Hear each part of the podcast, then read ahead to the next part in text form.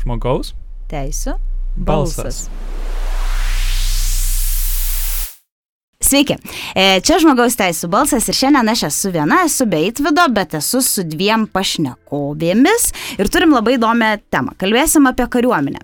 Tai iš pradžio aš ir paprašysiu iškart merginų prisistatyti ir papasakoti, kaipgi jūs susijusios su kariuomenė. E, Tai sveiki, aš esu Kristina, tarnavau Karaliaus Mindaugo Husarų batalione 9 mėnesius. Ir, na ką, sėkmingai baigiau, viskas gerai. Ir grįžai pas mus, ar ne? Jo, ir grįžau pas jūs. Mhm. Sveiki, aš esu Aurelija, tarnauju krašto apsaugos savanorių pajėgose.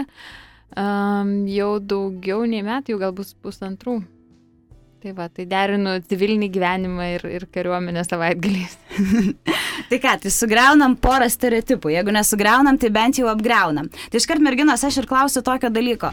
Kokie labiausiai stereotipiniai ir neįdomiausi klausimai, kurių, kurių klausia jų, e, jūsų apie būtent e, kariuomenę? Gal Kristina taip iš karto. Tai tikriausiai visada klausia, kodėl iš vis e, kaip mergina pasirinkai kariuomenę. Ar tai tikrai tau, ar, tai, ar e, nemanai, kad tai yra vyriškas užsiemimas? e, Nu, dažniausiai to klausia. Mhm. Ir dar klausia, ar ne per sunku, ar paneši kuprinę, ar, ar, ar gali padaryti tą ar aną. Nu, tiesiog, ar čia turbūt tas ab- abejojimas ar ne tavo galimas, bet nu, taip dažnai būna, ypač kai grįžti iš to bazinio mokymų, tas tris savaitės. Ar, ar nesukūdai. Ir kaip atsakote tokius klausimus? Kartoji tą patį, per tą patį kantriai kartoji, nes, nu, gal žmonėms iš tikrųjų įdomu, kaip ten. Ir kokia ta atmintinė būtų? Mm, tai čia, manau, labai skirtingai, uh, labai skirtingai kiekvienam, nežinau. Nu jo, visada yra tie pasiruošti atsakymai, kurie ganėtinai ilgi būna, nes jie, nu, visų skirtingi, manau. Mhm. Įdomus dalykas turbūt yra, kad mes labai dažnai kalbam apie fizinę jėgą, ar ne? Ir turė, turint omeny, kad apskritai kariuomenė kaip po tokia, ji keičia savo formą ir turim omeny, ką aš turiu omeny, aš turiu omeny labiau, pavyzdžiui, kibernetinį karą, kur fizinių jėgų turbūt tiek stipriai ir nereikia, kaip jūs galvojat. Ar kinta ta kariuomenė? Ar vis dėlto dar karys turi būti stiprus, ištvermingas, turi daug panešt, sunkiai pakelt?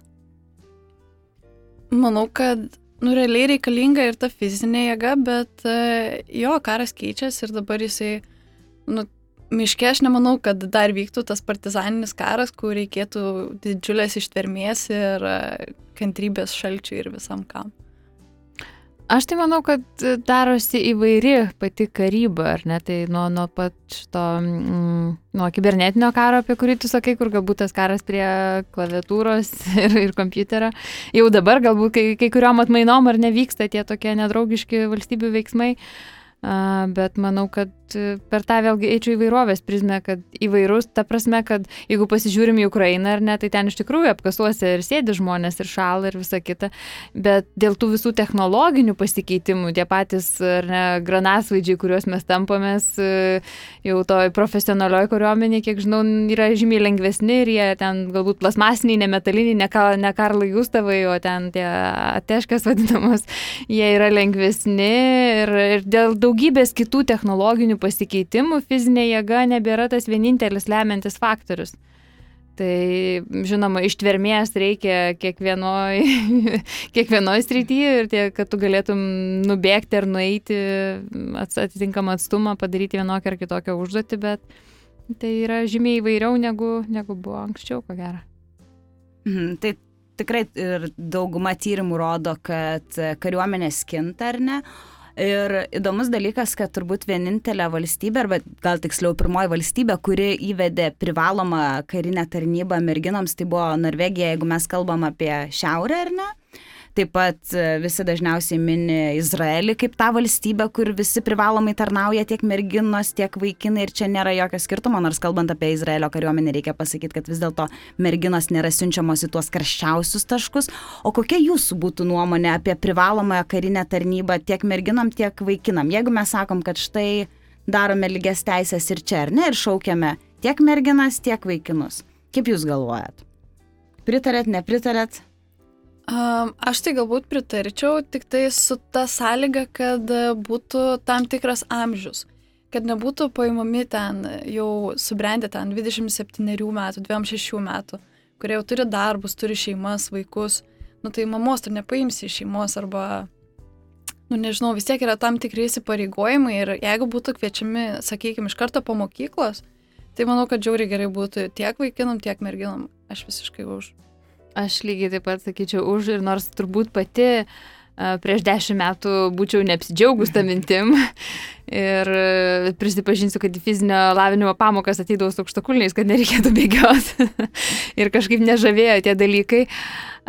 Dabar iš tos perspektyvos žiūrint, ar negalvoju, kad tai būtų buvę fantastiškai naudinga įgyti tų um, asmeninių savybių, išsitobulinti galbūt ir tą pačią ištvermę. Ir tiesiog asmeninio tobulėjimo galimybių yra tiek daug, kad kol ten neatsiduri, negali gal ir, ir suprast, e, kiek, kiek tai naudos suteikia. Ir kaip neseniai uh, girdėjome ir, ir kariuomenės vadas uh, kalbėjo, berots kaž, kažkur, kažkurioje konferencijoje, kažkuriam portale um, apie tai, kad uh, užsiminė apie tą negalimą šaukimą merginams taip pat. Ir, ir čia neseniai uh, Slovenija, beros pirmoji, buvo valstybė, kuri paskyrė kariuomenės vadę moterį. Uh, Ir šiek tiek kažkaip užvirė tą diskusiją Lietuvoje. Tai aš manau, mačiau irgi ne vieną žmogų diskutuojant ir viešojo erdvėje, ir socialiniuose tinkluose, kad uh, tai toks tarsi būtų užprogramavimas uh, ir pilietiškumo didėjimo mūsų valstybei ir,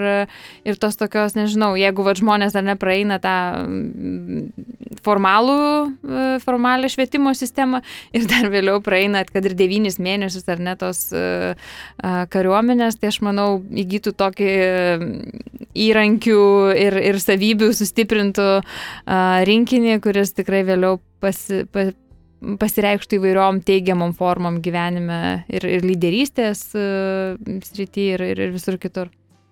Ir jeigu kalbam apie tą papildomą naudą, ar ne, kaip Aurelija paminėjo, kažkoks toks tarsi išplaukiantis dalykas, kurio net nesitikėjo, ar ne?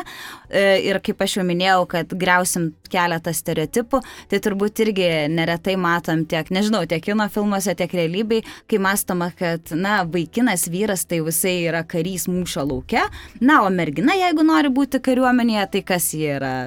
Ryšininkė. Ryšininkė arba geriausiu atveju dar gali būti kokia nors medicinos slaugė arba, na, kažkur tai sėdi biure, ar ne? Nu, turbūt teko susidurti su tokiu dalyku. Teko, bet, pavyzdžiui, šauktinių praktikoje tai nelabai taip. Nors aš pati buvau mm, šaulys gelbėtojas irgi su tą paramediką, nu, tipo. E, tačiau visos merginos pas mus buvo kulkosvaidžio padėjėjos, granatsvaidžio padėjėjos, nu jom irgi tekdavo ir tą granatsvaidį, ir kulkosvaidį panešti viską, nu ta prasme, nėra taip jau. Mhm. Labai džiaugiuosi tą girdėdama, kad, kad įvairių tų rolių buvo, nes iš tikrųjų labai svarbu yra išbandyti įvairias rolės, nes jeigu tu visą laiką duosi tą kulkosvaidį, granasvaidį, nu, sunkes, sunkesniuosius, sunkiuosius skyriaus ginklus nešti vaikinams ir kas nors tarkim, ar ne mes ruošiamės, ar ne situacijai, kurios tikimės, kad nebus, bet jeigu tai įvyktų ir, ir, ir tas kulkos vaidininkas yra nukaunamas, tai kažkas turi naudotis to ginklu ir, ir tu turi mokėti, kaip naudotis to ginklu. Tai labai svarbu. Ir aš manau, turbūt dar įdomus ir svarbus yra dalykas tai, kad e, vis dėlto, kiek iš Kristina supratau, tai traktuojami ir vyrai, ir moteris lygiai, jeigu mes kalbame apie šauktinius ir pagal darbus, kuriuos gauna. Um, iš savo pozicijos galiu pasakyti taip, kad mes buvom štabo kuopai, tai buvo ir merginos, ir vaikinai vienoj kuopai. Mes nebuvom pėstininkai, tai šiek tiek palengvina tą e, kario duoną. ir e, jo, mums realiai tekdavo viskas lygiai, nes mes ir kuprinės tokias, pačinės, tokias pačias nešiodavom, ir tos ginklus, ir pratimai ten, sportas ten, tos visos e, kilometrai, nu visi lygus, viskas vienodai. Aha, nėra specialių reglamentų kaip mokykloje per kūno kultūrą. Mm, šiek tiek yra per fizo, jeigu laikant tuos uh, fizinio testus, tuos visus, tai tenai yra maž, mažesni reikalavimai merginom, bet, nu jo. Tai ir tiek. aš irgi neseniai vat, lankiau, laikiau kaip tik tą fizo vasarą, vasaros pabaigoje. Ir fizo yra patikslinam žmonėm, kurie nebūtinai buvo fizinio parengimo ar koks šiandien testas. Tiesiog fizinis testas, tu mhm. turi atlikti normatyv, fizinio normatyvų testas, gal taip mhm. vadinasi. Uh, ir iš tikrųjų mergina padarius ar ne tam tikrą kiekį atsispaudimų gautų ko gero daugiau balų ar ne negu vaikinas padaręs tą patį kiekį atsispaudimų, kažkas tokio. Jo, nes merginom reikia 42, man atrodo, iki 100 balų. 100 balų, ne? O gal net 5? Gal, Kiam dviejų. gal kažkas tokio. Mhm. O vaikinų reikia gal 70. Nuo amžiaus grupų dar labai priklauso. Jo, nu. Pavyzdžiui, ži- skaičiavom irgi, kad su atsilenkimais ar ne, tai galbūt čia, nežinau, fiziškai, anatomiškai kažkaip kaip mes sudėlioti. Tai uh, amžiaus grupiai man ir mano vaikinui, man reikėtų padaryti daugiau atsispaudimų šimtui balų negu mano vaikinui. Tai čia pagal amžių, kuo jaunesnis, tuo daugiau turi padaryti, Mhm. kuo vyresnis, tuo mažesni normatyvai tie reikalavimai. jo, skiriasi. O jūsų kokia būtų pozicija? Vat štai, kad e, fiziniai, fiziniai reikalavimai ir testas. Kaip jūs darytumėt? Ar vis dėlto anatomija yra vienoda, darom vienodą testą, ar reikėtų kažkaip atsižvelgti? Vat įdomi būtų Labai asmeni- keblus klausimas, nežinau. Aš tai gal norėčiau, kad būtų viskas uh, lygiai ir, ir tada turėčiau daugiau motivacijos, um, dar daugiau motivacijos sportuoti ir, ir Bet galbūt žiūrint ar ne biologiškai, mums netaip greitai auga raumenis kaip uh, daugiau testosterono turintiem vaikinam. Bet iš kitos pusės yra galbūt vaikinai, kurie to tiesiog anatomiškai irgi neturi to testosterono pertekliaus. Nu, nežinau, čia labai keblus klausimas. Ir čia, kai kalbam apie sportą ar ne, ir, ir ten, ten kuo toliau gil- giliau lendant dar kebliau. Tai ne, negaliu atsakyti. Aš irgi galbūt atsižvelgčiau į tai, kad yra skirtingos a, struktūros organizmo vyro ir moters ir gal šiuo skirtumu kažkiek turėtų būti tas a, atskirtinumas, bet šiaip tai nežinau. Sunku kažką pasakyti. Bet kaip pačios pasakot, jau kaip vyksta pati tarnyba ar ne, tai vienodą kilometrų kiekį eina tiek vaikinai, tiek merginos, vienodas kuprines neša ar ne, jau ten jokių tarsi pavadinkime lengvatų merginams nėra. Ar teisingai aš suprantu? Mm, teisingai. Taip, bet gal atsiranda tame kartais paskirstime darbų, ar ne? Ten nu, mergina, jeigu neša ten kulkosvaidininko padėjėją, tai neneša savo ginklą ir, ir ten kulkosvaidžio vamzdį, kad galėtų pakeisti ir ten amuniciją kažkokią, tai, bet jau ne patį kulkosvaidį, ten granatsvaidininko padėjėją taip pat. Tai to pasitaiko. Bet, bet tai turi ir savo tą negatyvę pusę, nes tada tu nemoki kaip to ginklo naudoti. Bet vėlgi, dabar mes irgi, nors ir sakiau, kad greusim stereotipus, bet apie ką vėl kalbam, kalbam mhm. tarsi apie karinę tarnybą, kaip apie kažkokią fizinės jėgos ir ištvermės patikrinimą. Man būtų iš tiesų labai įdomu, kad truputėlį gal papasakotumėt, o koks tas buvo šalutinis, pavadinkime, efektas, kuris jums uh, atsirado, kurį jums suteikė būtent kariuomenė? Koks tas kitas dalykas, ne tik, kad ar ne, išsitreniruoju, eiti daug kilometrų, nešti sunku dalyką, bet kas, kas dar, kas dar tokio papildomo žavaus šaunaus atsirado, ko gal net nesitikėjot iš pradžių prieš einant? Mm. Gal pilietiškumas ar, ar kažkoks Manau, kitas? pilietiškumas turi atsirasti prieš tai ir tada tu ten atsiduri to, to pilietiškumą vedina.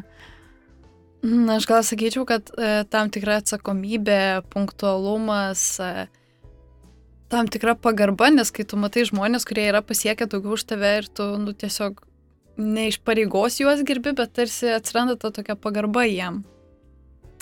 Kas dar, nu šiaip e, suteikia daug pliusų kariuomenė tiek civiliniam gyvenimui, paskui, sakykime, tie patys pirmosios pagalbos kursai, nes ten stiprus tikrai rengimas ir, nu, manau, kad tai tikrai yra ganėtinai svarbu. Mhm, tai tarsi visas komplektas. Ir nors ir sakėt, kad vienas iš labiausiai erzinančių turbūt klausimų dažniausiai yra, kad e, e, kodėl pati pasirinkai eiti ar ne, ar daug ten merginų, bet, na, statistika yra statistika ir kiek man teko domėtis ir pataisykit mane, jeigu aš klystu, šiuo metu kariuomenėje mes galime rasti tik apie 15 procentų moterų. Ar aš turiu netiksl, netikslius skaičius? Mm, Įsivaizduoju, aš tikrųjų ofi- oficialios Mhm. statistikos nežinau, žinau gal kiek mano kopų merginų, mano skyriui ir... Taip, ir kur, kur aš einu, ar ne, kad vis dėlto, na, moterų skaičius yra ženkliai mažesnis, ar ne, Mhm. dėl ko turbūt jau mes nesiginčiam. Ir koks būtų man įdomus dalykas, kaip irgi, kaip galvojat ir kaip ir man teko skaityti apie seksualinį priekabiavimą ir seksizmą, gal teko girdėti apie tokį dalyką, nes vis dėlto, na, mergina būna apsupta daugiau vyrų, ar ne, daugiau vy, ta visa koncentracija aplink yra. Ar teko pačiom kažkaip susidurti, pagalvoti apie tai, ar ne? Ar kiek to seksizmo yra? Kai kalbu apie seksizmą, aš turiu omeny apie juokelius tam tikrus, galbūt anegdotus, ar kitus tokias, tokias, žinot, pašaipėlės. Ar būdavo to vis dėlto? Uh, sunku dabar pasakyti, bet realiai tai nu, visada tas atsiranda, kai ilgiau būni vien toj kuopoj, uh, sakykime, vaikinai be merginų, kur yra kitos merginos, arba šiaip, kai yra kompanija, nu visada yra tie jokeliai, pokštai. Bet aš manau, ar tai, ar tai labai skiriasi nuo civilinės aplinkos? Nu, nelabai realiai, nu tas pats beveik. Aš tai kažkaip manau, kad nors aš tik savaitgaliais, aišku, susiduriu, dėl to man buvo labai, aš žiūriu į tave, tai mane, atsak, atsakant į tą klausimą, nes mūsų patirtis skirtingos, ar ne, devynis mėnesius būti vienoje mm. vietoje ir tik susitikti savaitgaliais ir, ir Kaspė yra daugiau gal mm, įvairesnio amžiaus, ar ne, yra ir vyresnių žmonių, ir jaunesnių, nuo 20 iki 50 tikriausiai ten kažkelių. Tai, bet kalbant apie bazinius mokymus, kur daugiau buvo gal mūsų amžiaus, taip apie 30 ir 20-30 metų, tai mm, nežinau, gal kažkaip nepasakyčiau, kad labai skiriasi nuo civilinio gyvenimo. Ir gal tik vienas tas momentas, kad tave šiek tiek įpareigoja, kai tu esi su uniforma ir galbūt tu savo, nu, ir vaikinai, ar vyrai, kurie galbūt bare atsisėdė, žinai, diskutuotų kitaip. Uh, uniforma, aš manau, šiek tiek įpareigoja. Aišku, yra įvairių žmonių ir kai tu jautiesi savo kuopą susigyvenęs ir ten visokių tų juokelių gali pasitaikyti, bet kažkokių tokių labai įžeidžiančių ar tie patys galbūt kažko tokio, nežinau, ne, nepastebėjau. Galbūt baziniam buvo vieną kartą vienas instruktorius tiesiog savo leido pajuokauti ir tai buvo labai tokia, sudarė tokia nemalonė situacija, kurią vėliau, tai nebuvo susijęs su manim, aš išgirdau iš dviejų jaunesnių merginų, kurios gyveno su manim e, ta, tas tris savaitės ir tiesiog mes e, taip informavom, perdavėm šitą netinkamą elgesį e, seržantui, kuris ėmėsi labai puikių priemonių, mano, nuomonė, pakalbėjo su instruktorium ir vėliau instruktorius visas išraudęs turėjo visų kopas merginų atsiprašyti už, už šitą elgesį. Ir buvo kaip liaudiškai sakant, šilkinis likusi bazinį laikotarpį, labai gražiai elgėsi. Ir aš manau, jam pačiam tai buvo gera pamoka, kad galbūt kas tinka bare, netinka, kai tu esi tarnyboje su uniforma. Ir tu turi gerbtą uniformą. Iš tiesų labai gražu klausyti, kad buvo atitinkamai sureaguota ir sureaguota tą gražiają formą, ar ne? Fantastiškai. Pasikalbėti, buvo gerai sureaguota. Ne, ne Mhm. nuobauda. Ir iš tiesų mano turbūt nuomonė ir nuomonę aš grindžiu turbūt tyrimais, kuriuos teko skaityti ruošiantis laidai. Tai Na, kariuomenė per daug nesiskiria nuo visuomenės. Ką noriu pasakyti, tai noriu pasakyti, kad kokia ta mūsų visuomenė yra, tai iš visuomenės sudaryta ir kariuomenė. Tai būtų labai keista teikti, ar ne, kad jeigu visuomenė yra visiškai nehomofobiška, kariuomenėje mes atrasime daug homofobiškų žmonių. Arba atvirkščiai. Tai jokių būdų taip nėra. Tiesiog kai kurie mokslininkai teigia, kad vis dėlto kariuomenėje tam tikrom formom seksizmas labiau sustiprėja būtent dėl e, didesnės dalies vyrų. Ar ne? Tai tarsi labai paprastai paskaičiuojama, ne? Jų yra daugiau, didesnė koncentracija, tai dėl to ir tų, sakykime, seksistinių pokštų Labai yra. primityvus skaičiavimas, jeigu. Turbūt, turbūt, turbūt dėl to pritarčiau. E, bet ir kaip ir sakiau, jums irgi prieš laidą tokį įdomų dalyką, kad moteris yra didžiausia mažuma pasaulyje, tai toliau tęsiant taip gražiai viniojant e, mūsų pokalbį apie mažumas e, mm, kariuomenėje, turbūt būtų įdomu ir pakalbėti apie homoseksualius asmenis kariuomenėje, ar ne? Ir yra įdomus dalykas, kad e, gal girdėjo tokį JAV politikos e, teisę tokią, kurią Bilas Clintonas pradėjo kai buvo pradėta svarstyti, ar homoseksualūs asmenys gali būti kariuomenėje ar negali. Ir kritikai motivavo tuo, kad jie negali dalyvauti kariuomenėje, todėl kad tai silpnina kariuomenę, nes tarsi dinksta bendruomeniškumo jausmas, tai skaldo dalinį, nes tarsi nėra mąstoma vieningai. Todėl buvo priimtas toksai vadinamasis teisės aktas e, do not tell, do not ask. Tai reiškia, kad neklausk ir nesakyk. Tai e, karių nebuvo klausima apie jų, homos, apie jų homoseksualumą, ta prasme nebuvo klausima apie jų seksualinę orientaciją, bet iš kitos pusės jie ir negalėjo oficialiai pripažinti apie savo seksualinę orientaciją. 2011 metais e, Barack Obama atšaukė šitą dalyką, bet vis dėlto šitas teisės aktas buvo iš pradžių kritikų priimtas labai labai aštriai, nes irgi žinot, kad JAV e, yra ganėtinai religinga visuomenė ir žmonės e, labiau religingi buvo pasisakantis prieš tai. Taip pat ir sakiau, kad kritikai labai daug pagal moralę analizavo, kad tai yra labai blogas dalykas. Ir turbūt jeigu dar toliau truputėlį žiūrim į Ameriką, kalbant apie LGBT situaciją, tai ir Trumpo neseną turbūt prisimenat pasisakymą, kad e, transseksualų žmonės paprasčiausiai negali būti kariuomenėje, nes tai yra mediciniškai per brangu ir nepatogu. E, tai vėlgi ir truputėlį grįžtant prie moterų kariuomenėje, ką, kuo teko domėtis, kai kurie kritikai, kurie sako, kad na vis dėlto kariuomenė turi būti vyriška, tvirta fiziškai, o moteris na gali sėdėti biure, taip pat e, kalba apie tokius dalykus kaip tarkim moteris karininkė ir kas jeigu ji yra neščia. Ar teko tokį girdėti dalyką? Kaip, kaip apie tai, kaip tai reaguojama? Ta prasme, įneščia moterį? Mhm. Jeigu karininkė yra neščia. Tai aš manau, kad pasitaiko taip, ta prasme, jeigu kurio profesinės ar net tarnybos moteris, tai jos turbūt išeina atostogų ir po kurio laiko atostogų vadinamų ir po kurio laiko turbūt grįžta, nežinau. Man, jo, jo, čia... buvo pas mus toksai atvejis, nu kaip atvejis. ta prasme, žinoma situacija, kai mūsų vieno vado žmona irgi tarnaujanti profesionalioji karo tarnyba, jinai tiesiog pasiemė dekretinės ir po kažkurio laiko jinai turėtų jau grįžti vėl į senąjį darbą. Ir tai natūralu, ar ne? Kaip, na, kaip ir bet kuriam darbe, ar ne? Jeigu, jeigu moteris išeina į vaiko priežiūros atostogas, tai ir grįžta, ar ne? Taip, bet iš tiesų ganėtinai liūdnų dalykų ir teko skaityti, kad vis dėlto tai yra vienas iš argumentų, kodėl vėlgi moteris negalėtų turėtų lygių tokių pačių galimybių ir sąlygų kariuomenėje, būtent vad dėl šito dalyko, nes tarsi, na, ji iš karto yra silpnesnė ir štai jau nebegali, nebegali. Nustoja treniruotis, tai paskui turi tiesiog pasivyti tą fiziškai ir ne šiek tiek savo. Mhm. Taip, ir dar taip jau užlindau truputėlį kalbant apie homoseksualius asmenis, tai dar tokia, norėjau pasidalinti taip pat mhm. skaičiais tokiais įdomiais, kad e, dar 2015 metais tik tai 49 valstybės pasaulyje iš beveik 200, ar ne, priklauso kaip skaičiuosi, e, leido savo kariuomenėse arba armijose atitinkamai turėti homoseksualius asmenis, kurie, ta prasme, gali oficialiai prisipažinti, kad jie yra homoseksualūs. Tai tik ketvirtadalis pasaulio, ar ne? Ir iš tiesų vėlgi, nors mes kalbam apie 21 amžių, ar ne, bet žmogus tarsi turėtų slėpti savo tikrąją tapatybę.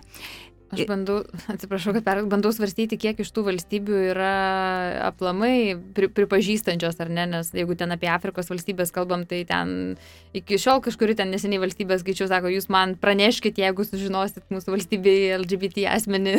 tai, ne, jeigu valstybėje tai yra nepripažįstama, tai kariuomenė ko gero taip pat. Tai dar griežčiau, mhm. taip, ir tik 17 valstybių, bent jau 2016 metų duomenimis, e, leido savo kariuomenėse turėti translyčius asmenis. Tai vėlgi ganėtinai šokiruojanti, šokiruojanti statistika, todėl kad mes kalbam vėlgi, kaip aš ir sakau, apie e, vertybės, apie demokratiją ir štai. Štai koksai, koksai, kokia liūdna diskriminacija, kokia liūdna atskirtis, ar ne, kai mes turim tik 17 e, 17 valstybių. Ir vėl grįžtam į Lietuvą ir turbūt jum gal irgi teko girdėti apie tokį Lietuvos karių etikos kodeksą. Statutą gal daugiau teko girdėti. Mhm. Aha. Statutas turbūt Aha. vadinasi. Taip, tai vad būtent tas dokumentas ir kur tik tai 2015 metais buvo įtrauktas ir pas mus nediskriminavimo principas. Tai Lietuvos kariuomenė, jeigu taip pasitikslinom reglamentavimą, Lietuvos kariuomenėje nebuvo mm, ne, ir nėra draudžiama kalbėti apie savo seksualinę orientaciją, taip pat nėra klausima apie ją. Tačiau buvo toks liūdnas atvejis, kurį noriu prisim, prisiminti, tai vėlgi, e, kai vyksta medicininė patikra, ar ne, ar žmogus gali tarnauti, ar ne, e, vienas, man atrodo, klaipėdoje psichologas ar psichiatras, jisai vis dėlto uždavinėjo klausimus jaunuoliam tam, kad nustatyt, tarsi ar žmogus yra homoseksualus ar ne, ir prezumavo, kad, na, jeigu jau žmogus, e, kaip buvo sakyta, linkęs į homoseksualumą, tai jisai, na, paprasčiausiai netinka kariniai tarnybai. Tai toksai irgi, kalbant apie 2015 metus, toksai požiūris turbūt yra, oi koks liūdnas, skaudus ir, ir senas. Man labai įdomu apie tą nediskriminavimo principą, kokiu pagrindu, ar, ar aplamai nebuvo to principo, ar, ar čia, nes diskriminavimo pagrindai gali būti labai įvairūs. Ar mhm. būtent e, LGBT tavo e, lytinės orientacijos pagrindų buvo įvairūs? Tai disk, nediskriminavimo mhm. principas jisai yra apima ir seksualinė orientacija. Bet jis buvo praplėstas ar jis tiesiog atsirado? Praplėstas. Mm, mm -hmm, praplėstas supratau. ir buvo įtrauktas ir toks dalykas. Na, jum merginos, ar jum teko susidurti su šitu klausimu apie homoseksualumą kariuomeniai? Gal teko kažką sutikti, girdėti, gal kažką iš vidaus, taip pavadinkime, susidūrėt?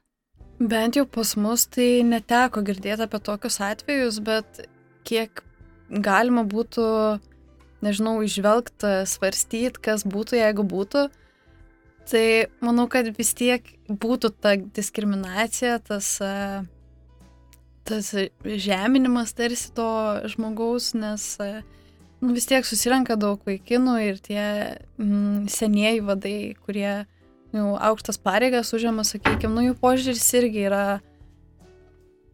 senesnio, senesnio mąstymo, suprantat.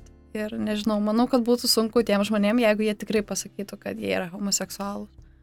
Aš tai vėlgi, manau, grįžtu prie to, kad kariuomenė taip pat visuomenės atspindys ar ne, veidrodis, tai ko gero kaip ir kažkokia kaiminystėje galbūt sukeltų tai ar ne kažkokių klausimų, tai galbūt ir, ir kariuomeniai, bet uh, kažkaip man labai įstrigo irgi esam tai, apie tai diskutavę su, su kuopos kai kuriais kolegom. Uh, Ir man labai patiko, nors aišku, galbūt kariuomeniai daugiau, kai, negaliu sakyti vėlgi, kad šimtų procentų, tikrai ne, bet galbūt dalis daugiau atsira, ateina žmonių konservatyvesnių pažiūrų, ar ne. Ir vienas žmogus, kuris taip pat ir konservatorių partijai priklauso, sako, o man iš tikrųjų, aš kai kalbu ir su kitais, ir su mačiutėm, ar su kažkuo nesvarbu, jeigu tavo lytinė orientacija, jeigu kitas karys šalia manęs apkasuose, jisai mus vienė tai, kad mes ginam tėvynę, ar ne. Mes esame patriotai ir randa daugiau bendrumo negu, negu skirtybių, žinai, man tavo orientacija galbūt ten 50 vietoj. Pirmiausia, mes atliekam šitą darbą. Tai žinau, kad vėlgi skiriasi, ar ne, šiek tiek kaspo sudėtis, šiek tiek galbūt reguliarių pajėgų, ar ne. Kaspas galbūt yra Aurelija, krašto apsaugos savanorių pajėgos. Nes ateina žmonės iš civilinio gyvenimo su įvairia patirtimi, įvairių išsilavinimų, sritimis, tam profesijomis ir taip toliau. Tai iš tikrųjų mane ta patirtis uh, nudžiugino, bet vėlgi sakau, visuomenės atspindys, kokia mūsų visuomenė, tokias ir institucijos ir institutai kai kurie. Nes labai dar būna ypač iš vaikinų požiūrio ar ten iš vyrų požiūrio, kai jeigu yra e, homoseksualus vyras šalia kažkur jų, e, atsiranda galbūt ta baime, kad, nu, kad jisai prie jų nepriekabiautų tas toksai. o kai vaikinai tai, priekabiauja, man kažkada kirpėjo, sako, aš čia sėdėjau lėktuve ir prie manęs kažkas ten priekabiavo, sako, dabar žinai, kaip merginos jaučiasi. Dažniausiai, ar ne? mhm. Taip, ir iš tiesų taip, labai, labai gražus toks pasakymas, Aurelijos, kad uh, tai visuomenė, kariuomenė yra visuomenės atspindys ir nieko čia neišgalvosim. Ir turbūt man nebereikia priminti visos tos liūdnos, baisios statistikos apie uh, Lietuvos visuomenę. Vis dėlto dėje mes esam dar homofobiški ir uh, homoseksualūs asmenys vis dar patenka į penketuką uh, žmonių, ar ne, su kuriais nenori atsidurti kaiminystėje, 85 procentai nepritarė tos pačios lyties asmenų santokai ir taip toliau. Todėl būtų naivus stebėtis, ar ne, kad kažkaip kariuomeniai turėtų tie dalykai e, per daug keistas. Nors kuo aš galėčiau asmeniškai pasidžiaugti, kad jeigu kalbam apie reglamentavimą, tai mes turim tą nediskriminavimo principą, kuris mano nuomonė yra labai svarbus, todėl kad jeigu jau mes e, sekam Europos Sąjungos vertybėmis, ar ne, jeigu mes jau kalbam apie nediskriminavimą ir žmogaus teisės kaip po didžiąją gražiąją vertybę, tai šio principo laikytis yra labai svarbu. Nors turbūt dažnai žinom, kaip suveikia teisė, kai mes susirašom labai gražias taisyklės ir po to jų nesilaikom. Bet aš pasakiau labai gražų pavyzdį, kada suveikė ir man labai patiko apie tas pačias merginas, kada galbūt seksistinių bairių numetęs žmogus gavo gerą pamoką ir discipliną iš, iš seržanto. Ir tas na, NATO tos vertybės, ar ne, jos labai nuo žmogaus priklauso, bet aš sakyčiau, kad jos yra tie mm, šviesus principai, kurių, kurių sekam. Taip, tai iš tiesų šaunu girdėti ir apie, apie gražiuosius pavyzdžius. Ir ritamės toliau į tokią trečią mūsų dalį, tai pakalbėkime apie religiją ir kariuomenę. Ir čia vėlgi taip grįžtant prie teisės dalykų, tai visai neseniai, visai neseniai, turbūt prieš metus, buvo Konstitucinio teismo išaiškinimas, nes kilo klausimas, ar religijų atstovų, dvas, religinių, tam tikrų religijų atstovai, dvasininkai gali būti atleidžiami nuo karinės tarnybos. Ir Konstitucinis teismas pasakė, kad ne, todėl kad visų pirma mes turim konstituciją ir tu esi pilietis ir jeigu tu esi pilietis, na tai tu turi atlikti pareigą, ar ne savo valstybei. Tačiau kilo klausimas e, tuomet, kaip yra su pacifizmu, pavyzdžiui.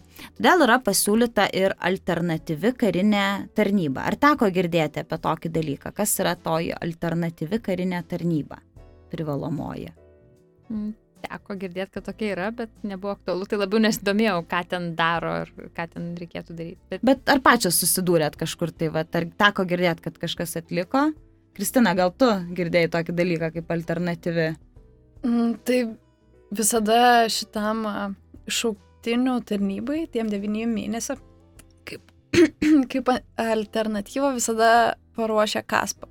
Nu, tarsi tai yra, nu, šalia einantis e, karinis paruošimas, tik tais, kad jisai tik tai savaitgaliais ir jį gali derinti su darbu. Mhm. O dar kažkas tai net nežinau. Bet gali žmonės dėl pažiūrų, ten, dėl, dėl, dėl daug dalykų religijos ir taip toliau rinktis tą alternatyvą. Ir aš neseniai girdėjau per televiziją, bet tiesiog taip prausis praslydo, kad uh, savivaldybės turėtų berots užtikrinti tą galimybę atlikti alternatyvę tarnybą. Um, ar nežinau, savivaldybė kažkur institucijose, savivaldybės administracijoje ar kažkas tokio.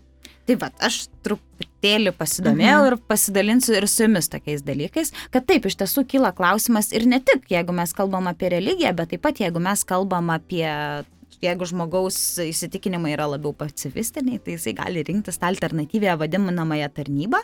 Ir alternatyvioji tarnyba, kas tai yra? Tai yra taip pat tarnybą savo šaliai, tačiau visa tai yra atliekama dirbant valstybinėse institucijose arba savivaldybėse. Kaip Jūs vertinate tokį pasirinkimą? Ar vis dėlto tai yra absoliučiai kitas dalykas ir to net negalime vadinti tarnyba ir tai yra tiesiog pabėgimas, kaip kai kurie sako, lengvas į šalį? Kokia Jūsų būtų nuomonė? Šiaip valstybės tarnyba tai yra ne tik kariuomenė, tai yra priskiriama ir policija, yra ir STT, FNTT, tai nu, visi yra valstybės tarnautai. Tai nežinau, galbūt tai irgi įeitų į visą tą reikalą. Mm, man tai atrodo, kad nu, aš kažkaip gerbiu žmogaus įsitikinimus. Uh, ar ten religinės pažiūros ir taip toliau, tai kodėlgi ne, jeigu tu turi, tavo įsitikinimai tau neleidžia lakstyti su ginklu po apkasus, kad ir kaip tai linksmai skambėtų man galbūt, tai neturėtum to daryti, aišku. Ir manau, taip tose civilizuotose ir, ir, ir valstybėse ir taip pat čia turbūt būnant NATO, tu negali kitaip elgtis, turi laikytis tų principų.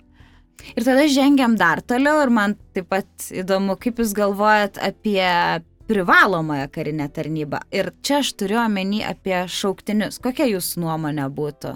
Reikia šauktinių, nereikia, ar tai pažeidžia tavo žmogaus teisę tam tikrą ar laisvę, ar vis dėlto tai yra naudingas dalykas, privalomas dalykas ir natūralus?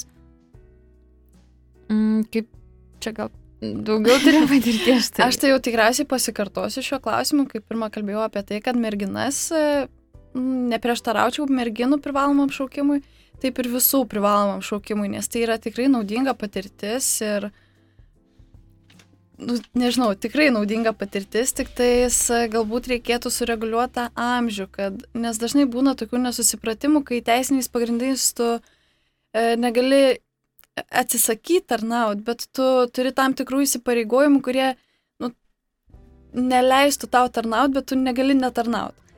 Tai nu, būna sudėtingų situacijų šiuo atveju.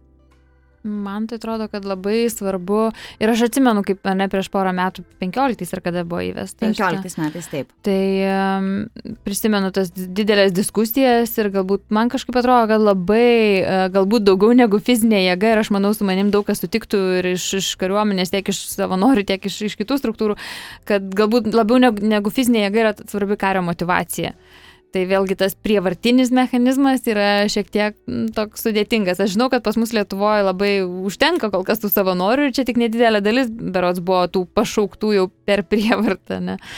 Uh, bet galbūt kažkaip reikėtų padirbėti irgi ties tą vietą, kad dar daugiau tų savanorių atsirastų ir kažkokių tai sistemą, nežinau, uh, didesnio to pripažinimo tiems žmonėms, kurie yra baigę uh, tos devynis mėnesius ar ne.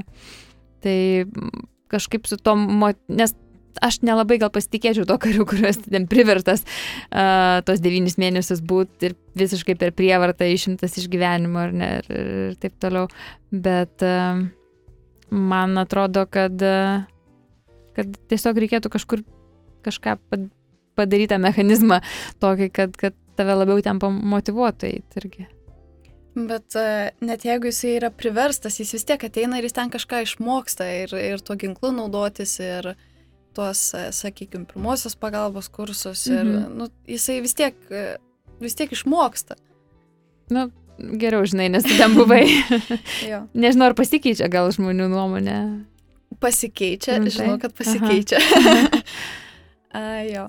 Nes labai įdomu iš tiesų, mhm. ar požiūris nepasikeičia, kai tu ateini per prievartą ar ne. Ir gali gautis ir tokia, na pavadinkim, atmetimo reakcija, ar ne, kaip tu, tu atėjai, tu čia nenorėjai būti, tai tarsi, kaip aš ir sakiau, pažeidžia tavo laisvę, ar ne, tu turėjai savo gyvenimą, savo planų ir staiga štai tu turi, na, sakykime, per prievartą mylėti savo tėvynę.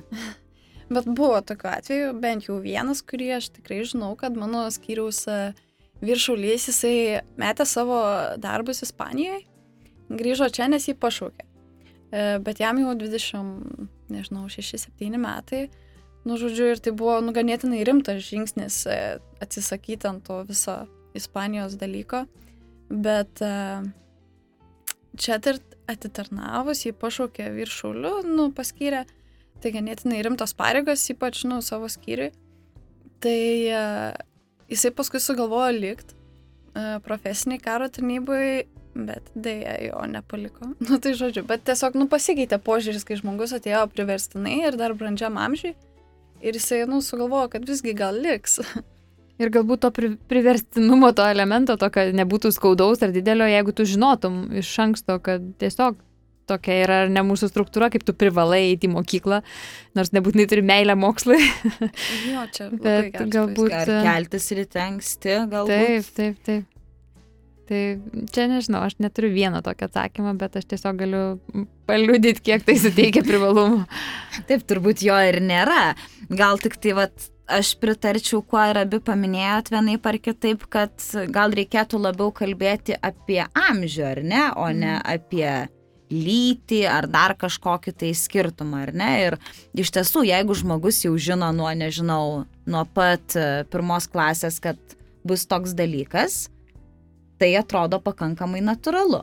Galbūt tik tai reikėtų daugiau laisvės ir ypatingai kaip aš kalbėjau, laisvės ta prasme, kaip aš kalbėjau apie alternatyvęją tarnybą, tai Šveicarija, žinoma, ne, kad toji neutralioji valstybė, kuri turi stiprią kariuomenę. Apsiginklavusi iki ausų. Taip, neutrali valstybė, neutraliausioji. Tai pas juos yra ganėtinai išvystytas tas dalykas, kad žmogus, na kaip ir Aurelija sakė, ar ne, kad štai aš turiu nuo pirmadienio iki penktadienio savo civilinį gyvenimą, o savaitgalį štai aš jau ir esu karinėje tarnyboje. Tai toks irgi ganėtinai išvystytas mechanizmas, iškomunikuotas gerai, žmonėmis yra pažinus ir, na, atrodo, kad tai veikia. Ir jeigu toliau šnekam apie tokius gal kliuvinius ar ne kariuomeniai, sakykime taip, ar ne tokios apipintais dalykus, stereotipais. Tai man bet vis dėlto įdomu grįžti truputėlį prie tos religijos, ar ne? Ir Lietuvoje, žinoma, dauguma mūsų pasisakom kaip Romos katalikai. Praktikuojantis ar ne, na, čia klausimas. E, dabar turbūt nematot, žinoma, bet Kristina turi tokį pakabutį. Kas čia tokio? Papasakok ir kas. tai čia yra Lietuvos kariuomenės žetonas su vardu, pavardė, um, asmens kodu, kraujo grupė ir reli nu, religija. Tai nors pas mane parašyta, kad aš esu katalikė, nes mūsų to klausė, kai buvo ruošiamasi daryti to žetonus. Nu, bet šiaip tai nepasakyčiau, kad esu labai aktyviai tikintis žmogus, gal greičiau ateistė. Bet vis dėlto toks dalykas yra, ar ne? Jo, jisai visur yra. Aš nors irgi ne, nepriskirčiau savęs uoliai tikinčių ir tikinčiųjų grupiai ir galbūt sakyčiau daugiau esu agnostikė. Manau, kad šiek tiek matau prasme, kodėl klausia ar ne, ir nes turėjau tokią patirtį, kai išvykau į Indiją į stažuotę kelių mėnesių, ten irgi prašė aplikuoti nurodyti religiją ir aš galvoju, koks jiems skirtumas, mes važiuojam ten studijuoti, kam ta religija. Pas kiekvieną žmogų, kuris nurodė, kad yra musulmonas, buvo kambarį kilimėlis, kurie gali praktikuoti savo religiją. Tai tiesiog tas patogumo dalykas ir aš manau, kad galbūt bandau suprasti, ar ne, kodėl klausima kariuomeniai, tai galbūt dėl tavo, nes kraujo grupė ar ne nelaimės atveju, tai e, nelaimės atveju, kaip tu pageidautum būti palaidotas tavo ceremonija kažkokia ar, tavo įsitikinimai, galbūt dėl to. Jo, aš irgi taip manau, nes, nu, žetonai ir šiaip jie skirti tuo nelaimės, nelaimės atveju, atveju. baisiausias nelaimės atveju. Kaip tai jau pats negali pasakyti kažko. O ir iš jūsų patirties tuomet man įdomu, kaip, kaip su ta religija kariuomeniai? Ar atėjus tarnauti štai, ar vis dar yra sudarytos visos patogios sąlygos, na, melstis, ar ne išpažinti savo religiją? Pavyzdžiui, mes kai tarnam devynis mėnesius, tai tikrai būdavo tokių susibūrimų mūsų ramoviai taip vadinamai, kur vykdavo mišios, jos, na aišku, nelabai dažnai, bet e, būdavo jas kviečiama, mūsų kapelionas labai draugiškai jas vesdavo, ten pasikviesdavo, kas pagrotų, nu, kad būtų visai faina. Aišku, einančių nori į tas, e, į tas e, apėgas, į tas mišes, ne visada atsirasdavo tiek jau labai daug, kaip galbūt tikėtųsi jie, bet nu, būdavo, nu, tas šansas yra, jisai yra suteikiamas. Bet aš tik sakyčiau, kad šansas tikrai yra suteikiamas, gal net ne tas žodis kaip suteikiamas, kartais truputėlį yra to tokio... Mm, net nenoriu sakyti prievartinio, bet tokio jau labai raginančio elemento. Uh, bet vienai religijai, vėlgi, aš ne, ne, nežinau, ne, neteko man susidurti, aišku, nežinau, ar klausė kas nors, bent jau būnant rūklo, ar ne, ar ten yra kitų religijų, ar ten kas nors norėtų išpažinti ir sudalyvauti judėjų mišiuose, ar ten uh, sentikių, ar, ar, ar kažko, kažko tokio. Tai galbūt čia tik tas vienos religijos aspektas.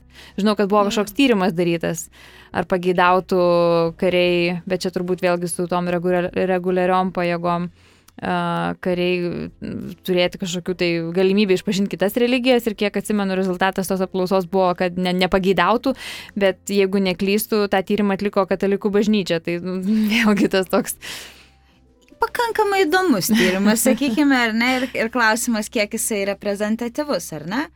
Bet turbūt Lietuvos kariuomenėje iš tiesų mūsų visuomeniai gal religinis klausimas nėra toks jautrus, turint omeny na, tą didžiąją daugumą, tą didžiąją mūsų dalį žmonių, kurie, kaip sakome, arba mes esame katalikai tie kurie eina į bažnyčią ar ne, arba tie, kurie neprieštarauja, vadinami katalikais ar ne, nors tikrai nėra tie e, aktyviai propaguojantis ar ne. E, ir turbūt tokio atvejo gal kaip ir neiškilo. Nors mano nuomonė, aš nežinau, ar man pritarsit, bet sąlygos turėtų būti užtikrinamos, ar ne? Net jeigu mes ir turim, na, tą vieną žmogų, bet vis dėlto jam turėtų būti sudarytos sąlygos, ar ne? Nes, na taip, e, kaip ir Konstitucinis teismas pasisako, kad, na, visų pirma, taip, tu esi pilietis, tai yra tavo pareiga, ar ne? Nors ir tą pareigą mes galim kažkaip įskaidyti, pritaikyti, padaryti lankščiai, ar ne? E, bet vis dėlto tai yra viena iš tavo tapatybės dalių. Daugiau, mažiau svarbių ar ne, vienam gal ta religija yra svarbesnis dalykas, kitam tai yra mažiau svarbus tapatybės dalykas, bet vis dėlto vis dėlto tai, tai reikšmingas dalykas. Ir dabar taip jau keliaujant į pabaigą ar ne, ir nepamokslaujant, tai ar jūs prieš pradedant savo susitikimą, susipažinimą su kariuomenė, ar jūs turėjot kažkokių stereotipų, kažkokių dalykų, kurie vėliau pakito? Gal ir jūs buvot kažkaip kažką, sakykime, dezinformuotas? Labai sunku iš tikrųjų taip atsakys gražiai, nes prieš eidama į kariuomenę iš tikrųjų buvau labai romantiškai apie tai nus, e, susidarius, nu, labai jau romantiška nuomonė, kad tai yra labai patriotiška, kad jau ginsim savo tėvynę, kad ten visi taip motivuos dėl to ir, nu, bet ten iš tikrųjų taip nėra. Ten jau įsiveli į tą rutiną, į viską, ten tas kelimasis, ten tos... Uh, to pilietiškumo jisai lieka minimalus per tam tikras teorinės paskaitas, bet kai būna taktika, nu ten nebelieka jokios romantikos, jokio ten to pilietiškumo didžiulio, nu, Man tai, yra tai dinksta. Kristinos ir susidėlioja viskas į vienu iš tos žodžius, kad mylėti tėvynė nėra lengva. jo. Tai yra rutina. Aha. Iš tiesų, gal turbūt nelieka tiek daug laiko nuolat apsvarstyti, ar ne? Nes, kaip ir sakėjai, e, rutina, kiek ir aš domėjausi, tai yra intensyvus grafikas, ar ne? Vat, dar įdomu, vat, merginos, papasakokit, kągi veikėt. Vat, aš to turėjau pradžioje turbūt paklausti, bet dabar kągi, kaip atrodo vat, viena iš jūsų dienų, kaip atrodė Kristinos atveju, Aurelijos dar atrodo vienas į savaitgalių, ką veikėt? Na tai atsikeli šeštą ryte, pažadinu. Jau liūdna. Jau liūdna, taip žiūrėjau sunku. Realiai šeštą. šeštą atsikeli, tada pasiruoši eini į pusryčius. Grįžtant po pusryčių, susitvarkai savo kambarį, nu, merginos susitvarko savo kambarį, nes ateina tikrint to kambario. Ar nuvalytos dulkės, ar išplautos grindis, ar visur švaru gražu. Tada būna rytiniai patikrinimai, kai susirikiuoja visa kuopa ir tikrina tavo išvaizdą. Ar mhm. viską turi, ar turi pažymėjimą, ar turi šitą, e, nežinau, visus bintus ir e, turniketus, ar viskas yra tvarkingai. Nu ir tada dažniausiai prasideda pratybos, arba lauko pratybos, lauko taktika, arba teorinės kažkokios apie atominės, cheminės, biologinės atakas, nu kažkas tokio. A, tada kaip kada, pradžioje jos tęsdavosi ilgiau, netgi iki 8 vakaro, paskui jau taip apie 5 būdavom laisvi. Nu, tas laisvė irgi priklauso nuo kuopos būdėtojo, jeigu jisai leidžia kažką veikti, gali sportuoti, gali kažkuo užsimti pačioj kuopui, e, bendrauti su artimaisiais, nežinau, telefonu, ne šiaip per dieną negali naudoti telefoną, tik tais vakare, kai tau yra laisvas laikas. Ir, ir, ir Aišku, tam tarpe dar vakarienė, tarp pratybų dar pietus nepaminėjau, bet tai galbūt akivaizdu. Ir, ir jokio pietų miego. Deja, kartais jo tikrai norėdavos. Ir dešimtą, prieš de, apie devynės pradedam ruoštis jau miegui. Aišku, devintą valandą e, būdavo vėliavų nuleidimas. Visi išsirikiuodavom bataliono aikštį ir nuleisdavom vėliavas. nu, tada grįždavom į kopą, ruoždavomės miegui, dušai, visą kitą ir dešimtą kopą miegas. Kai irgi nebegalima į telefonų naudoti oficialiai, nieko, jau turi būti tyla ir ramybė. Tai tokia struktūruota diena, iš tiesų ir nėra laiko turbūt Instagramo story pridėti dalykų, ar ne, nes ir telefonu negali naudotis. Jo, nu telefoną gali turėti tik tai laisvų laikų, ten, kai jau išeina visi vadai. mhm. Tai turbūt šita vat, rutina tokia, ar ne, kaip ir pati minėjai, nėra jau tokia romantiška, ar ne? Bet kita vertus, turbūt išėjus, atlikus visą tarnybą, tai ganėtinai didelis pliusas, ar ne, kokią discipliną įgauni, kaip moki planuoti savo laiką, ar ne? Ir... Nu, dabar gal gali labiau susistruktūruoti savo dieną, kai tu žinai, kad tada ir tada darysi tą, tada ir tada darysi tą. Ir uh, Nu ir nevėluot galbūt, nes už vėlavimą būdavo bausmės. Toks vienas irgi iš motivacinių dalykų. Ir Aurelė, o ką tu veiki? Uh, Fotografuosi su gražia uniforma? Be abejo. Kas papratybos šiek tiek kitokios, vėl kalbant apie bazinius mokymus, kurie truko tris savaitės, tai atrodo labai panašiai, tai galbūt dar mums būdavo ir teorinės paskaitos kai kurios, mm. ypač kurios sunkios po pietų, nes pavalgy pietus ir sėdi Mes Liepos mėnesį buvom baziniam, tai nu, ima miegas ir tada savo už kaklo pili vandenį, kad nemiegotum, nes jeigu tu užmerksi akis, tau negerai baigsis. Um, o šiaip tai labai skirtingai atrodo pratybos uh, nuo motorizacijos, kada turintis tą kategoriją laksto um, offroadiniais motociklais. Uh, pakilimo takų, kas lūrudoja, kas yra labai linksma ir, ir vykdo užduotis ir, ir praktikuojasi tam užduotim, iki darbo su ryšiais ar tiesiog praktikavimas šaudyklose. Uh, Uh, tai m, iš tikrųjų būtų sunku apibrėžti, bet aišku, tu keliesi anksti ryte ir, ir kartais ten jau ar 6 ar 7 turi prisistatyti į kopavietę, tada vyksta ten visas reikiuotė, ginklų išsidalinimas, vykdomos užduotis ir, ir taip toliau. O dar grįžtant prie, ir tai trunka dvi paras ir tada tu sekmadienį grįžti ir tada valai ginklus ir visą kitą atlikęs jau tas užduotis. O grįžtant prie stereotipų, apie kuriuos kalbėjai, tai iš tikrųjų aš turėjau labai didelę baimę. Aš labai bijojau, kad kariuomenė bus tai, ką girdėjom galbūt dar iš tėvų, e, ta rusiška vadinama dedovščina, ar ne, viskas ten labai griežtai žeminančiai ir, ir, ir tie visokie baisus video, kuriuos irgi prisižiūrėjau YouTube, bet mane sužavėjo kaip e, galbūt prisijungimas ar ne prie, prie NATO pajėgų, e, tie vėlgi principai, standartai, jie yra taip jau įsigyvenę į kariuomenės kasdienybę, e, kaip tvarkingai atrodo šaudyklos ar ne darbas, kada yra ir lėmenės, ir klausos apsaugos priemonės, ir, ir visa kita. Ir kai aš girdėjau tiesiog klausinėjau vyresnių kolegų, kaip tai atrodė anksčiau, ar ne, kai dar buvo tas paveldas iš, iš sovietinės kariuomenės, tai yra visiškai diena ir naktis ir, ir man tiesiog buvo gražu stebėti, kaip, kaip visiškai yra kit, kitaip atrodo tie dalykai ir, ir, ir kaip mes vakarėjom ne tik visuomenė, ar ne, bet ir, ir standartais vadovavomės ir kariuomeniai taip pat.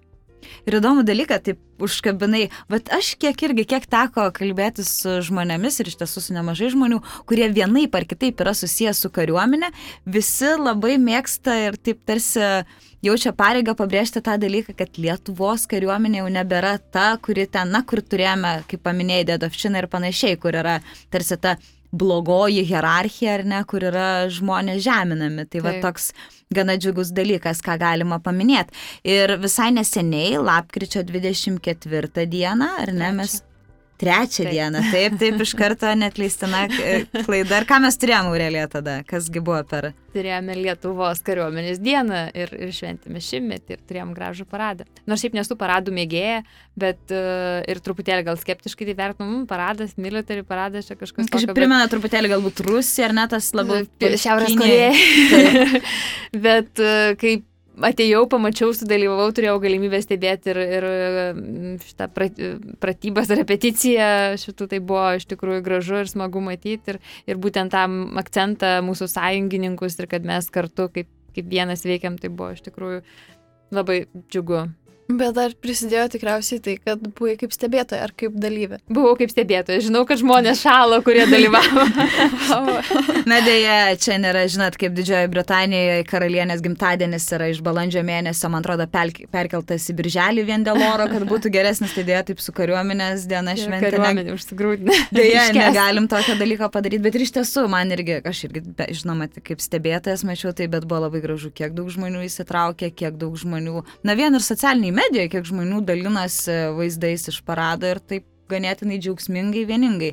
Toks gražus pasirodymas ir ypatingai tarsi, na, žiūrėkit, ir mūsų kariuomenė šio to verta, nes vis dėlto yra ir toks stereotipas, na, ką ten Lietuvos kariuomenė turi, ar ne, vieną šautuvą ir sulūžusi tanką, ar ne, turbūt ir tokį dalyką teko girdėti, ar ne, kaip Lietuvos kariuomenė yra taip truputėlį nuvertinama. Ir taip jau uh, į pačią pačią pabaigą einant, uh, aš paprašysiu tik po vieno tokio dalyko. Uh, patarkit draugį, ar ne, įsivaizduojamai draugiai, kuri svarsto apie karinę tarnybą, ar ne, bet irgi turi stereotipų, truputėlį gal bijo, gal drovisi, gal galvoja, kad ne jai, gal kad nepaneš kuprinės, gal kad ji bus viena mergina, gal kad tai nemoteriškas dalykas. Ką tokiai draugiai pasakytumėt? Pirmin, Nereikia įsivaizduojamų draugų, aš tiek draugams, tiek draugiams esu tiesiog dalyjuosi savo patirtimi ir, ir mane tai labai nudžiugino ir, ir iš tikrųjų žmonės ir draugai ir draugės masto ir galvo, gal čia visai ir nieko. Ir galbūt tiems, kurie nenori uh, laksyti su kuprinėmis miškuose, yra nekinėtinių pajėgų kopa, kur galiu daryti vėlės kitas veiklas. Tai tų galimybių yra tikrai neribotų. Na, aš irgi paskatinčiau, aš irgi bijau, ar nebūsiu viena, bet kai gavau sąrašus, aišku, pradžiugino, nes mūsų sąraše buvo 10, o iš tikrųjų kopai 15. Žodžiu, vis tiek nebus viena, nes visada yra komanda ir nežinau net kaip, bet, nu, tikrai paskatinčiau. ir iš tiesų, aš kaip ir laidos pradžioje sakiau, kad e, sulaužom porą stereotipų Tai aš manau, kad bent vieną iš tiesų truputėlį apgriovėm, kad Lietuvos kariuomeniai nėra moterų, ar ne niekaip. Tai yra ir šiandien pas mane laisvai atėjo net dvi merginos ir štai vat vienas pavyzdys ir e, besidomint statistiką, žinau, kad jos nėra vienintelės. tai ta gaida tuo dalyku mes šiandien ir baigiam, atsisveikinam, ačiū labai panelės, labai buvo įdomu, šaunu ir manau, kad šią temą apie žmogaus teisės ir kariuomenę dar galima analizuoti kuo giliau, tuo plačiau, bet šiandien bandėm užkabinti tris tokius e, pjūvius, tai pirmasis buvo moterų padėtis kariuomenėje, tada homoseksualių asmenų ir religijos. Nors manau, kad taip, dar klausimų yra labai daug, nors šitie trys šiandien buvo mūsų aptarti. Tai labai ačiū ir susitinkam kitą savaitę.